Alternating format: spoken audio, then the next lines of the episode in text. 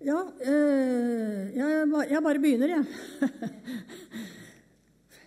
bare veldig kort si at eh, jeg var ateist, da overbevist i, i 40 år og jobbet i psykiatrien. Tenkte at uh, kristendom det var for litt nevrotiske, hjelpeløse mennesker, stakkar. Bra for dem, men uh, ikke noe for meg. Men så fikk jeg en overnaturlig opplevelse. Jeg tar dette her ekstremt kort, da. Uh, som gjorde at jeg skjønte at det var mer mellom himmel og jord enn det jeg hadde sett og forstått. Uh, og det var, det var, som å ha sittet inne i stua altså med gardinene for og tenkt at, at, ja, det er det jeg kan ta og måle og veie og, og, se med de fysiske øynene. Det er det som er virkeligheten. Og så er det ikke noe mer. Men så, altså, så plutselig så bare gikk sløret til side. Så fikk jeg bare se at det, hjelp, det er en overnaturlig dimensjon. Det er en overnaturlig virkelighet som jeg ikke har visst noen ting om. Og da begynte jeg å lese alt mulig annet enn en Guds ord. Men da jeg hadde lest alt mulig annet enn Guds ord, så begynte jeg å lese Guds ord. Det nye testamentet. Og så leste jeg Det nye testamentet to ganger. Og, og da oppdaget jeg at det min store forskrekkelse at jeg hadde fått tro. Fordi at troen kommer av hørelsen av Guds ord. Og Guds ord er altså levende, som kjent, og virkekraftig. Oppdaget jeg hadde fått tro. Så tok det, Jeg skjønte bare hvilken vei dette gikk, da. Men eh, det er, jo en veldig, det er jo en menneskelig motstand mot det å ta imot og omvende seg og bøye seg. Og det er en uh, sterk åndelig motstand, vet vi, så det tok sin tid. Men som dere skjønner, så har det skjedd. Jeg bøyde meg, omvendte meg til Jesus. Tok imot Jesus som min frelser. Takket han for syndenes forlatelse. Tok han imot han som frelser. Og, det, og jeg sa uten å skjønne rekkevidden av det, så sa jeg Eh, nå gir jeg livet mitt til deg. Jeg hadde vel aldri tenkt at jeg skulle stå på en talerstol og forkynne Guds ord noen gang. Men det er blitt til det eh, etter en del om og men og att og fram. Og det har jeg holdt på med nå i mange år. Og altså, Som å sitte inne i en stue og så bare si det er bare det jeg kan se inni her. Det er det som er livet. Det er ikke noe mer. Og så gikk altså gardinene til side. Man kunne til og med, Jeg husker jeg diskuterte masse med noen kristne medstudenter i studietiden min. Og når vi så hvor fantastisk studerte menneskekroppen, hvor fantastisk det var laget, husker jeg de sa til meg Tove, du må da skjønne at, dette, at det er en Gud som har skapt dette. Men jeg var veldig kjekk og sa bare at ja, men nei, en dag vil vitenskapen eh, Da vil de forklare dette her. her. Og når, når, det var det å sitte inne da, og se på, eh, se på, gardinene, så kunne man jo til og med si at eh, ja, men du må skjønne at det er noe utenfor. For når sola skinner, så, jo, så, kan man jo se skyggen av eh, grenene på trærne utenfor røre på seg sånn. Du må da skjønne at det er noe mer utenfor. Men jeg skjønte ikke det. Det er en måte å skjønne på som er det som har med denne verden å gjøre. Og jeg har jo studert og holdt på med det lenge, både det fysiske mennesket Og vi hadde jo kjemi og, og fysikk og sånt også. Og det psykiske og det sjelelige. Men altså så er det en verden utenfor. Og etter at det forhenget er revnet, så er det, da er det, liksom, da er det det som har vært eh, tingen for meg, altså. Da å komme inn i det, og inn i det som har med Guds rike å gjøre. Og, og, og, og siden da så er det Guds ord. Jeg har lest det, altså. Jeg leser jo litt i avisene og kristne aviser og sånt nå også, følger med på media hva som skjer. Men da jeg begynte i psykiatrien og begynte å skrive journaler, så, så sa jeg, og gjorde sånn som en tidligere kollega av meg hadde sagt og gjort Hun sa jeg skriver ikke lenger romaner, nei, jeg leser ikke lenger romaner. Jeg skriver dem selv. For det at journalene, altså menneskenes liv, var så mye og, og, sånn ble det for meg òg den gangen. Menneskenes liv ble så mye eh, mer interessant og dypt enn en, for, en, en forfatteres forsøk på liksom å reprodusere og lage noe om det.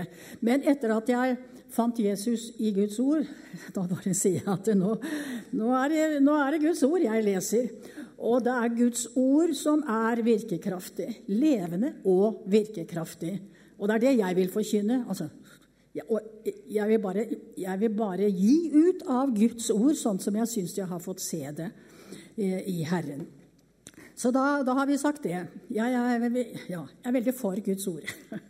og det er det det dreier seg om. Det er Guds rike for oss som har tatt imot Jesus. Og for alle andre også. Jeg, jeg, ja, nå snakket jeg litt fort, er fordi jeg har noe jeg skal si, og jeg håper bare jeg rekker å si det før liksom tida mi er gått. Nå begynte du i Det gamle testamentet, og poenget er jo Det tok fire år. Jeg brukte de første fire årene av mitt gjenfødte liv å lese Det nye testamentet, og, og så begynte jeg på Det gamle. Og jeg tror det er en hemmelighet i det å virkelig kjenne til Jesus i Det nye testamentet før man begynner i det gamle. For eh, jeg vet at folk har blitt frelst av å begynne med det gamle òg, så det er ikke det. Men det er noe med å kjenne ham igjen, altså finne ham i det gamle. Det står om meg hos alle profetene, eh, sa Jesus og i salmene. Det står om han hele veien. Og, nå, og jeg syns jeg har blitt minnet jeg må bare si det sånn, jeg synes jeg har blitt minnet om å, å forkynne noe fra Det gamle testamentet, fra Jobbs bok. Jeg skal ikke ta hele Jobbs lidelse. Det er noe annet som eh, Det står, det står eh, mye i, i, Jobbs bok. Jeg skal, jeg skal, eh, snakke om Elihu, hvis dere husker hvem er, at det var en som het Elihu. Jobb hadde jo tre venner som kom settende da de hørte hvor vondt han hadde det. Og jeg er imponert over dem, for de satt jo i dag ut og dag inn og bare satt hos. Det er jo det som er greia. Å sitte hos. Men etter mange dager så greide de ikke å tie stille lenger. Og så begynte jo de å anklage Jobb. Det må være en grunn for at du har det så fælt. Det må være, Du må ha syndet, og du må ha sånn og sånn. Men når de har snakket fra seg, og Jobb har svart dem eh, sånn som han så det da, eh, som heller ikke var fullkomment, så er det en ung mann som heter Elihu, som åpner munnen og sier at nei, nå, nå må jeg få si noe også. Og vi skal lese eh, Det er masse å si om det, men det skal jeg ikke si. Men jeg skal lese bitte lite grann om hva han sier innledningsvis, og det står i Jobbs bok 32, kapittel 32. Uh, eh, ja, han sier Vi kan ta fra, uh, fra vers 18. Han, han forklarer hvorfor han, hvorfor han, må snakke. For han sier, 'For jeg er full av ord. Ånden i mitt indre driver meg.' Mitt indre er som innestengt vin, som nyfylte fylte skinnsekker vil det revne. Jeg vil tale så jeg kan få luft. Jeg vil åpne mine lepper og svare. Og så sier han noe som er til etterretning for oss. Uh, altså, som, når, når, vi taler og når vi snakker med folk Jeg vil ikke ta parti for noen, og jeg vil ikke smigre for noe menneske. For å smigre, det forstår jeg meg ikke på. Gjorde jeg det, da kunne min skaper lett rykke meg bort. Amen. Ja, vi bare tar det med oss, ikke sant? Men så, tar han her Men hør nå, Jobb, på min tale, og lytt til alle mine ord. Og det sier han til oss òg. At vi skal lytte og høre hva han har å si. Og han har mm, sterke ting å si. Se, jeg åpner munnen, tungen taler allerede i min munn.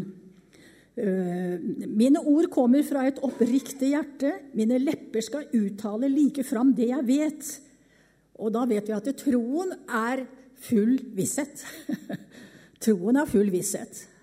Det er ikke noe kanskje, men det er visshet. Så han talte troens ord, han. Eh, jeg uttaler like fram det jeg vet. Nå, skal vi se, nå kan vi ikke ta alt. Ta vers 6. Se, han sier det til Jobb. Se, jeg er din like for Gud. Også jeg er dannet av leire. Og det er veldig kjekt å, å vite når vi taler til hverandre om Guds ord, og når, hvis vi har en formaning, og hvis vi har en, en oppbyggelse, og når vi skal vitne. Altså, vi er skapt av leire, vi også. Vi er det. Vi står ikke noe over. Vi er med søstre og brødre. Vi er søstre og brødre. Og han fortsetter. Redsel for meg skal ikke skremme deg, og min myndighet skal ikke tynge deg. Men så kommer det. Og det er noe her som jeg syns er veldig bra.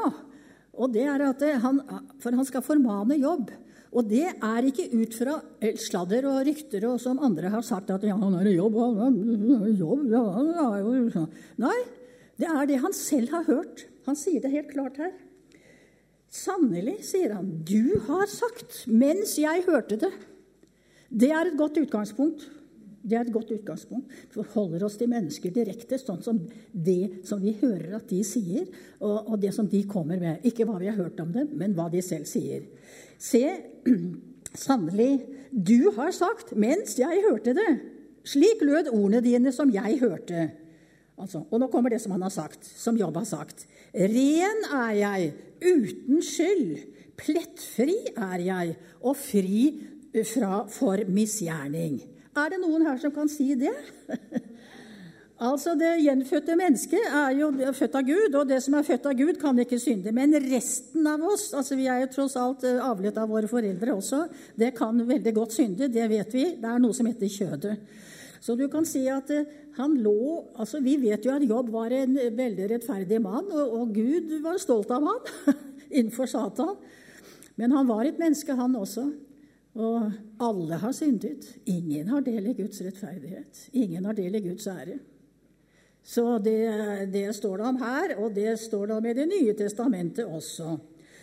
Sannelig, du har sagt mens jeg hørte det, slik lød ordene dine som jeg hørte, ren er jeg uten skyld, plettfri er jeg og fri for misgjerning. Og så kommer det som, hvis det skjer oss noen ting, vondt og vanskelig, eller sorg, at vi mister noen av oss osv. Da er det veldig fort gjort å begynne å anklage Gud, og det er det jo Jobb eh, har gjort, og som Eliu har hørt. Jeg tror Eliu er på en måte sendt inn her som en, eh, som en profet. Altså kom, liksom, kom han? Ja, Det står hvor han kom fra, men, men, plutselig så bare er han der. Det står om de tre vennene, men plutselig så er det en ung mann som bare er der og virkelig kommer med ord fra Gud. Du sier, 'Ren er jeg uten skyld, plettfri er jeg og fri for misgjerning'. Og så kommer Jobbs anklage, for det at når det skjer vonde ting, så er det veldig fort å begynne å anklage Gud. altså. Ja, Men hva slags Gud er dette? Det er jo folk som rett og slett som kanskje har virket i tjeneste i år, og så skjer det noe forferdelig, og så faller de fra. Jeg vet om noen sånne. Nei, Hvis Gud er sånn, hvis han har tillatt dette, han som har all makt i himmel og på jord, da får det bare være, liksom. En sånn Gud vil ikke jeg ha noe mer med å gjøre. Og det Jobb sier, vers 10 Gud søker grunn til fiendskap mot meg. Han akter meg for sin fiende. Det er en forferdelig anklage mot Gud. Og det er ikke bare jobb som kommer med det, men eh, både kristne og ikke-kristne. Det kan vi jo lese om. Nei, Gud, nei, tro på Gud. Nei, han som lar alt dette forferdelige skje. Nei, en sånn en vil ikke jeg. Jeg hever meg høyt over han, liksom. Han hever jeg meg høyt over. Jeg er mye snillere enn han. Jeg er mye mer omsorgsfull enn han. Hadde det vært meg som hadde bestemt, så hadde jeg sørget for at det ikke ble sånn og sånn og sånn. Og det er ikke noe nytt. Altså han sier, Jobb sier, anklager Gud. Gud søker grunn til fiendskap mot meg. Han akter meg for sin fiende. Han setter, mine, han setter mine føtter i stokken og vokter på alle mine veier. Dette er eh, Jobbs anklager som Eliu har hørt og konfronterer han med. da. Og så svarer Eliu, 'Nei', svarer jeg der. Amen! Tenk om vi kunne slå til med det! Når anklagene mot Gud kommer altså, Vi mennesker vi er liksom så mye klokere enn Gud. da. Vi vet og vi er mye snillere og vi er klokere, og vi skulle ha gjort det mye bedre enn han ikke sant? når det virkelig skjer noe. Men nei, sier han. Det er noe det tar etter, altså. Nei, sier han. Nei, svarer jeg deg, i dette har du ikke rett. Gud er jo større enn et menneske. Hvorfor går du i rette med ham? Og, så kommer, og så, nå, kommer, nå, nå, kommer, snart evangeliet her. For dette er innledningen til evangeliet. Men vers 14. Men én gang taler Gud, ja, to ganger hvis mennesket ikke akter på det. I drømmer, i syner om natten, når dyp søvn faller på menneskene, når de slumrer på sitt leie, da åpner han deres ører og trykker sitt seil på advarselen til dem. Altså, det er snakk om advarsel. Mennesker trenger advarsel. Rett og slett advarsel. Og dette med at Gud taler i drømmer og i syner om natten, det opplevde faktisk jeg litt mens jeg søkte Gud. Hadde begynt å lese litt i Bibelen, men jeg, jeg visste om Johannes 3, 16, sånn cirka. Så våknet jeg, så kom jeg akkurat ut av søvnen en morgen. Og jeg tror det er et øyeblikk, det kan sikkert mange vitne om, akkurat idet du går inn i søvnen eller ut av søvnen. Da er du spesielt åpen i den åndelige verden, altså. Mange som har, liksom fått se ting da. Og det, jeg våknet med, et, med en bibelhenvisning foran øynene.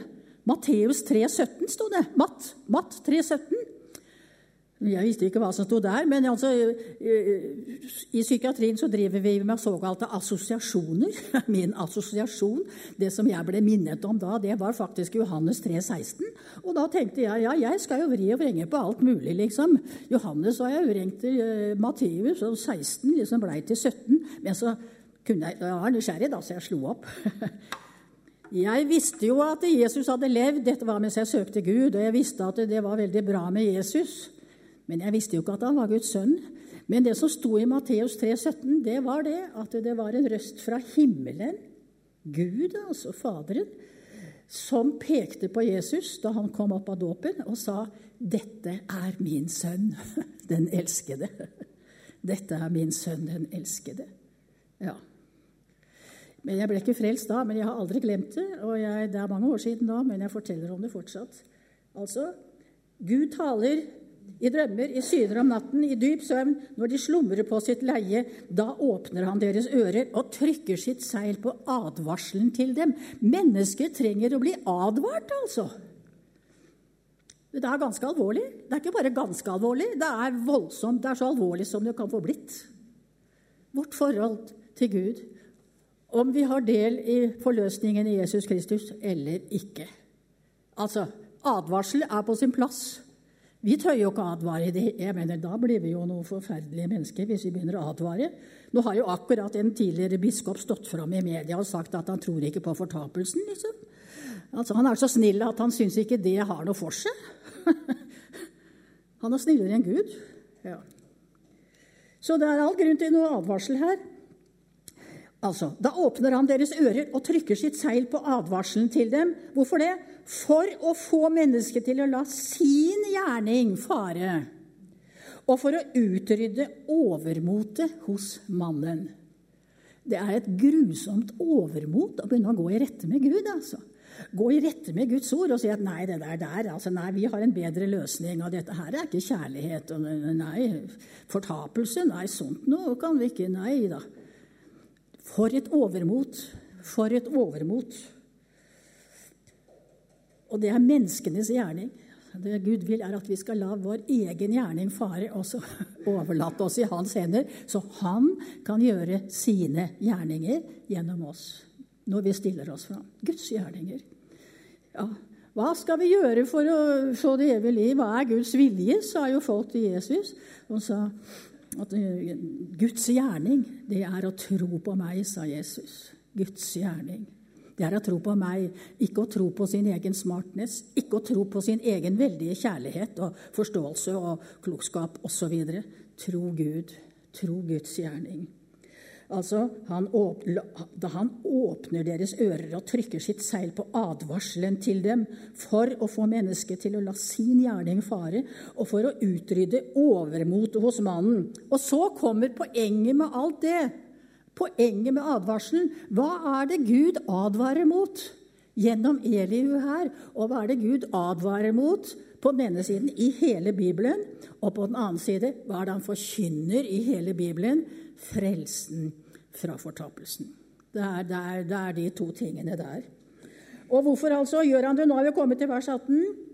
Altså, Hvorfor må folk la, øh, la sin, sin, gjerning fare og utrydde, over, utrydde øh, tatt, slippe tak i sitt eget overmot? Og da står det i vers 18 for å frelse hans sjel fra avgrunnen. Eh, I, denne oversettelsen her, som jeg syns er veldig god, Norsk bibel, der står det faktisk 'frelse fra graven'. Men poenget med graven det er jo enten er det ned i avgrunnen, og der er det ikke noe særlig, for å si det veldig, veldig, veldig mildt, eller at sjelen farer opp til himmelen. Jeg traff akkurat i går utenfor en butikk så traff jeg en uh, troende søster som jeg ikke har sett på lenge. Vi pratet, så sa han ja, nå er, nå er moren min akkurat død, sa hun. Og hun ble 99 år. Og jeg husker at hun på Frelsesarmeen i Asker så satt hun bestandig og spilte piano, hun. Like til hun ble nesten 99 år. Men i hvert fall, hun døde. Og så sa datteren til meg det var så spesielt da hun døde, for plutselig så bare rakte hun ut armen og smilte over hele ansiktet. Og så var hun borte. Inn i herligheten. Og en av naboene mine som er sånn søkende, og som snakket litt med meg om det, hun fortalte om bestemoren sin og sa det var veldig spesielt da bestemor døde. For plutselig så reiste hun seg litt opp i sengen, strakte ut hånden, og så sa hun, 'Jesus, her er jeg.' så var hun borte. Det er de to alternativene. Herren har det beste for oss, og han kommer med en advarsel om det motsatte. En veldig advarsel om det motsatte. Men så står det videre her mennesket, Det er Elihu som holder på her, og, og, og han holder på i Guds ånd. Mennesket tuktes også med smerter på sitt leie, og en stadig uro går gjennom marg og ben. Han vemmes ved brød, og hans sjel ved lekker mat. Hans kjøtt tæres bort, så en ikke ser det mer, og hans ben, som en før ikke så, ligger bare. Han kommer nær til graven, altså nær til avgrunnen, og hans liv kommer nær til dødens engler. Og jeg, eh, jeg hadde en mor som lå, på det siste på sykehjem, og jeg pleide å besøke henne hver dag.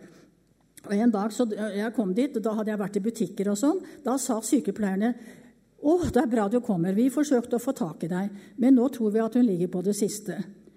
Og Om morgenen så hadde Herren syntes jeg var blitt minnet om at jeg skulle lese jobb. Jobbs bok. Det er jo langt. Jeg kunne ikke ta det liksom på den, den, den daglige liksom, morgenstund sammen med Herren. Men jeg har alltid Bibelen med meg, og da visste jeg hvordan det skulle være å lese Jobbs bok. Da, jeg, da måtte jeg bare sette meg ned ikke sant? Og, og, ta den tiden ja, og være hos henne på ubestemt tid. Og da leste jeg Jobbs bok. Så kom jeg til dette her, her som jeg nå har lest. Smerter på sitt leie, stadig uro gjennom marg og ben, vemmes ved brød og, og, og, lekker mat. Kjøttet tæres bort så hun ikke ser det mer, og hans ben som en før ikke så, ligger bare. Hans sjel kommer nær til graven, og hans liv til dødens engler. Og da satt jeg der og så på moren min, og så tenkte jeg det er jo en beskrivelse av dette er jo en beskrivelse av den siste tid. Før døden. Det er en beskrivelse av folk som ligger på det siste. Så, så kommer evangeliet. Så, altså, jeg har fått for meg, med meg at Misjonssambandet det, det satser kraftig på ytremisjon. Det satser på indremisjon òg. Men nå kommer det litt om indremisjon, dvs. Si, eh, hvordan vi kan misjonere der hvor vi er, der hvor vi lever, der hvor vi bor. Nå kommer det. Altså, nå er det beskrevet av en som ligger dødssyk på det siste. Og Elihu har allerede skrevet om at de trenger advarsel. Advarsel! Altså, vi er jo veldig opptatt av at unge mennesker skal bli frelst, og det er herlig. Og det, jeg er glad for at jeg ble frelst. Jeg var 40 år. Eh, men eh, jeg leste om en amerikansk vekkelseskvinne, en av de første kvinnelige forkynner for mange år siden, som sto i svære vekkelser. Folk kom settende. Det ble så fullt, det var ikke plass til alle. Da sa hun de som er under 60 år, må gå hjem. For at hun mente på det at det er de eldste som virkelig trenger å bli frelst. De står jo mye nærmere døden enn noen andre. Så da var det bare å gå hjem for de som var yngre enn 60 år. Det med, altså hvis det er noen som virkelig trenger det, så er det de som står på kanten, ikke sant? På gravkanten. Her er det en beskrivelse av noen som står på gravkanten. En som står på gravkanten. Og da står det Er det da Er det da hos ham en engel? Hva er engler? Altså Nå står det om dødens engler foran her. Det er de som henter ned i avgrunnen. Men ellers er en, en Guds engel ja, en engel, altså Selvfølgelig, det er barmhjertighet og velsignelse, men det er en som kommer med budskap fra Gud. Budskap fra Gud budskap fra Gud, som vi vet kom til Maria. Du skal bli ved barn ved Den hellige ånd. Ja. Budskap fra Gud. Er det da hos ham en engel? Hva betyr det? Er det da hos en dødssyk person som står på gravens rand? Og Jeg husker en av kirurgene som jeg jobba sammen med i sin tid, snakket om de som står eh, med det ene benet på, på gravens rand og det andre på et bananskall, pleide han å si.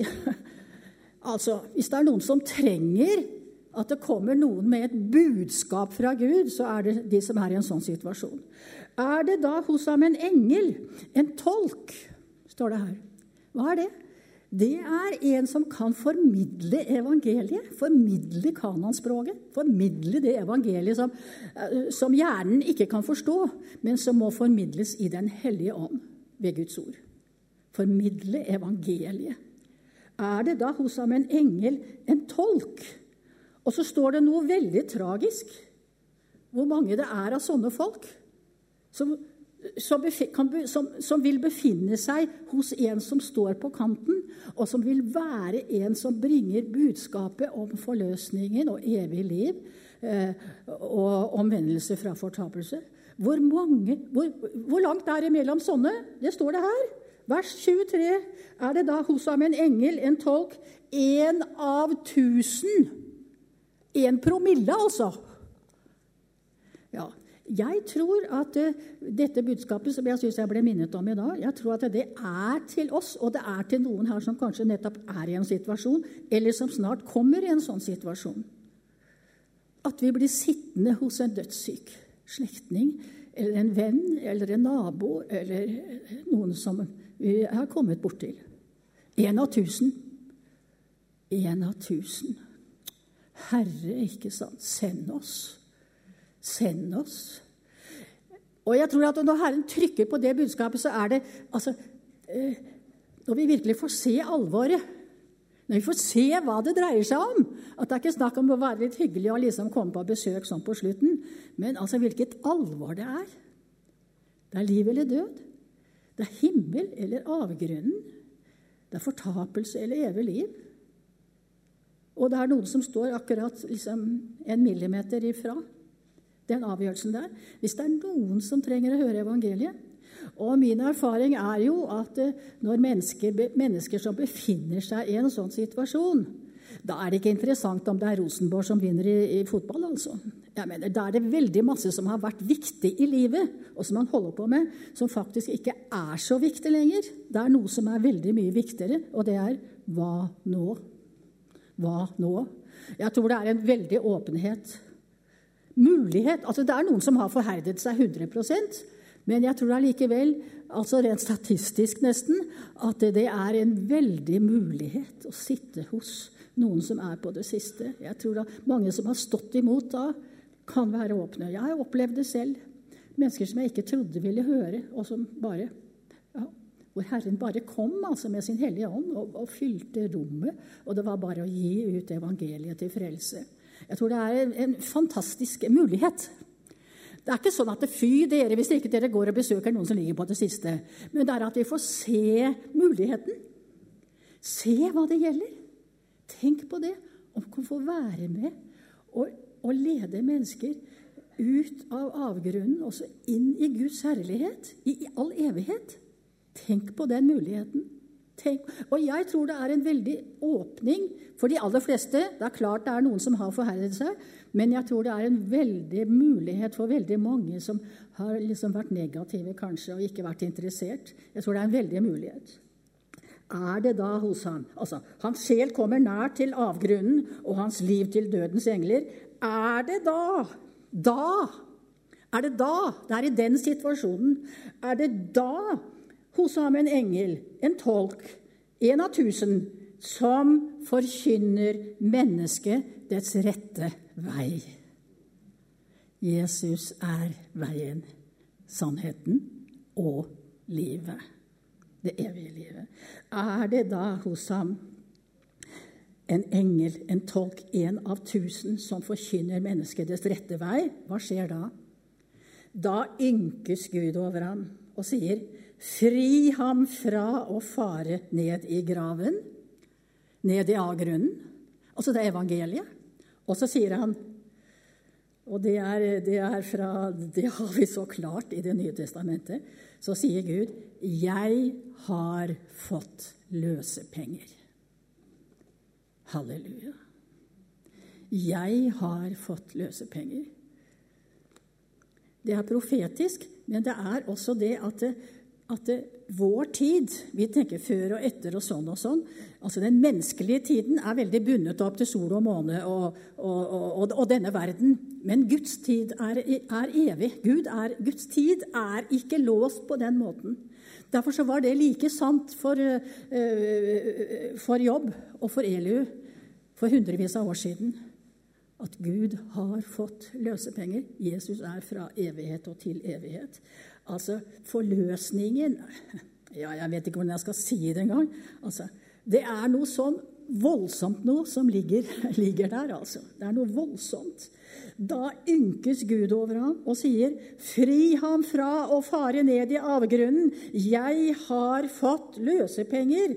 Amen. For, for ordens skyld så kan vi slå opp i Matteus 20 og, og, og, lese det. Vi kjenner det jo. Matteus 20, 28. Skal vi se, nå er vi der snart. 20, 28. Like som menneskesønnen ikke er kommet for å la seg tjene, men for selv å tjene og gi sitt liv til en løsepenge i manges sted. Matteus 20, 28. Fri ham fra Det er Gud som sier det. Fri ham fra å fare ned i avgrunnen. Jeg har fått løsepenger. Hva skjer da? Nå skal jeg passe på tiden her. Jeg har litt tid igjen. Hva skjer da med den syke? Hans kropp blir da sterkere enn i ungdommen, står det. Ja, men det går ikke an. Det går ikke an, vel? Nei, jeg tror det er åndelig. Det er åndelig, selvfølgelig. Altså, har fått liv. Fått livet i Jesus gjennom forløsningen. Fått livet. Jeg har fått høre evangeliet, forkynnelsen om Han som er veien og sannheten og livet. Forkynnelsen om Han som har løst alle mennesker ifra avgrunnen og satt oss inn i samfunnet med vår himmelske Far og ham selv i all evighet. Det er Han. Det er det det er. Da, da, da, ble vi sterkere enn i ungdommen. da ble vi sterkere enn i ungdommen. Det er en styrke, det er en åndelig styrke, det er et åndelig liv som er så voldsomt. Så voldsomt mye sterkere enn alt det menneskelige som vi har erfart, og som vi kan se på TV, alle disse bodybilderne og alt det der. der. Ja. Og så vers 26. Han ber til Gud. Amen. Det er snakk om å be til Gud, da. Det er snakk om å be overlate seg. Han ber til Gud, og Gud er nådig mot ham. Gud er nemlig nådig. Så har Gud elsket verden at han ga sin sønn den enbårne, for at hver den som tror på ham, ikke skal fortapes, men ha evig liv. Men ha evig liv. Han ber til Gud, og Gud er nådig mot ham. Han ser Guds åsyn med jubel. Halleluja! Sånn er det å bli født på ny og frelst fra avgrunnen. Han ser Guds åsyn med jubel, og Gud gir mennesket dets rettferdighet tilbake. Fra før syndefallet. Gud skapte mennesket og så at det var godt. Så kom synden inn, og så gjør Gud dette underet. Sender sin sønn, som er vår rettferdighet, og vår helliggjørelse, og vår forløsning, og vår visdom fra Gud. Gud gjør det, gir rettfer vår rettferdighet tilbake. Og han som får oppleve dette, han synger for menneskene og sier, og da kommer synsbekjennelsen, for det er det som har med å bli født på ny å gjøre, at Den hellige ånd gjennom ordet får overbevist om synd. Rett og slett. Eh, og da kommer den bekjennelsen. Han bekjenner 'Jeg hadde syndet og gjort det rette kroket', men han gjengjeldte meg det ikke. Han har fridd min sjel fra å fare ned i avgrunnen, og mitt liv skal få se lyset med lyst. Se, Og så fortsetter Eliu. Se, alt dette gjør Gud to ganger, ja, tre mot en mann. Hvorfor det? For å frelse hans sjel fra avgrunnen, så han omstråles av de levendes lys. Evangeliet. Evangeliet. Evangeliet. Og så fortsetter Eliu. Gi akt, jobb, hør på meg, vær stille. Ti, så jeg får lære deg visdom. Og det sier han til oss alle sammen. Det sier han til oss alle sammen.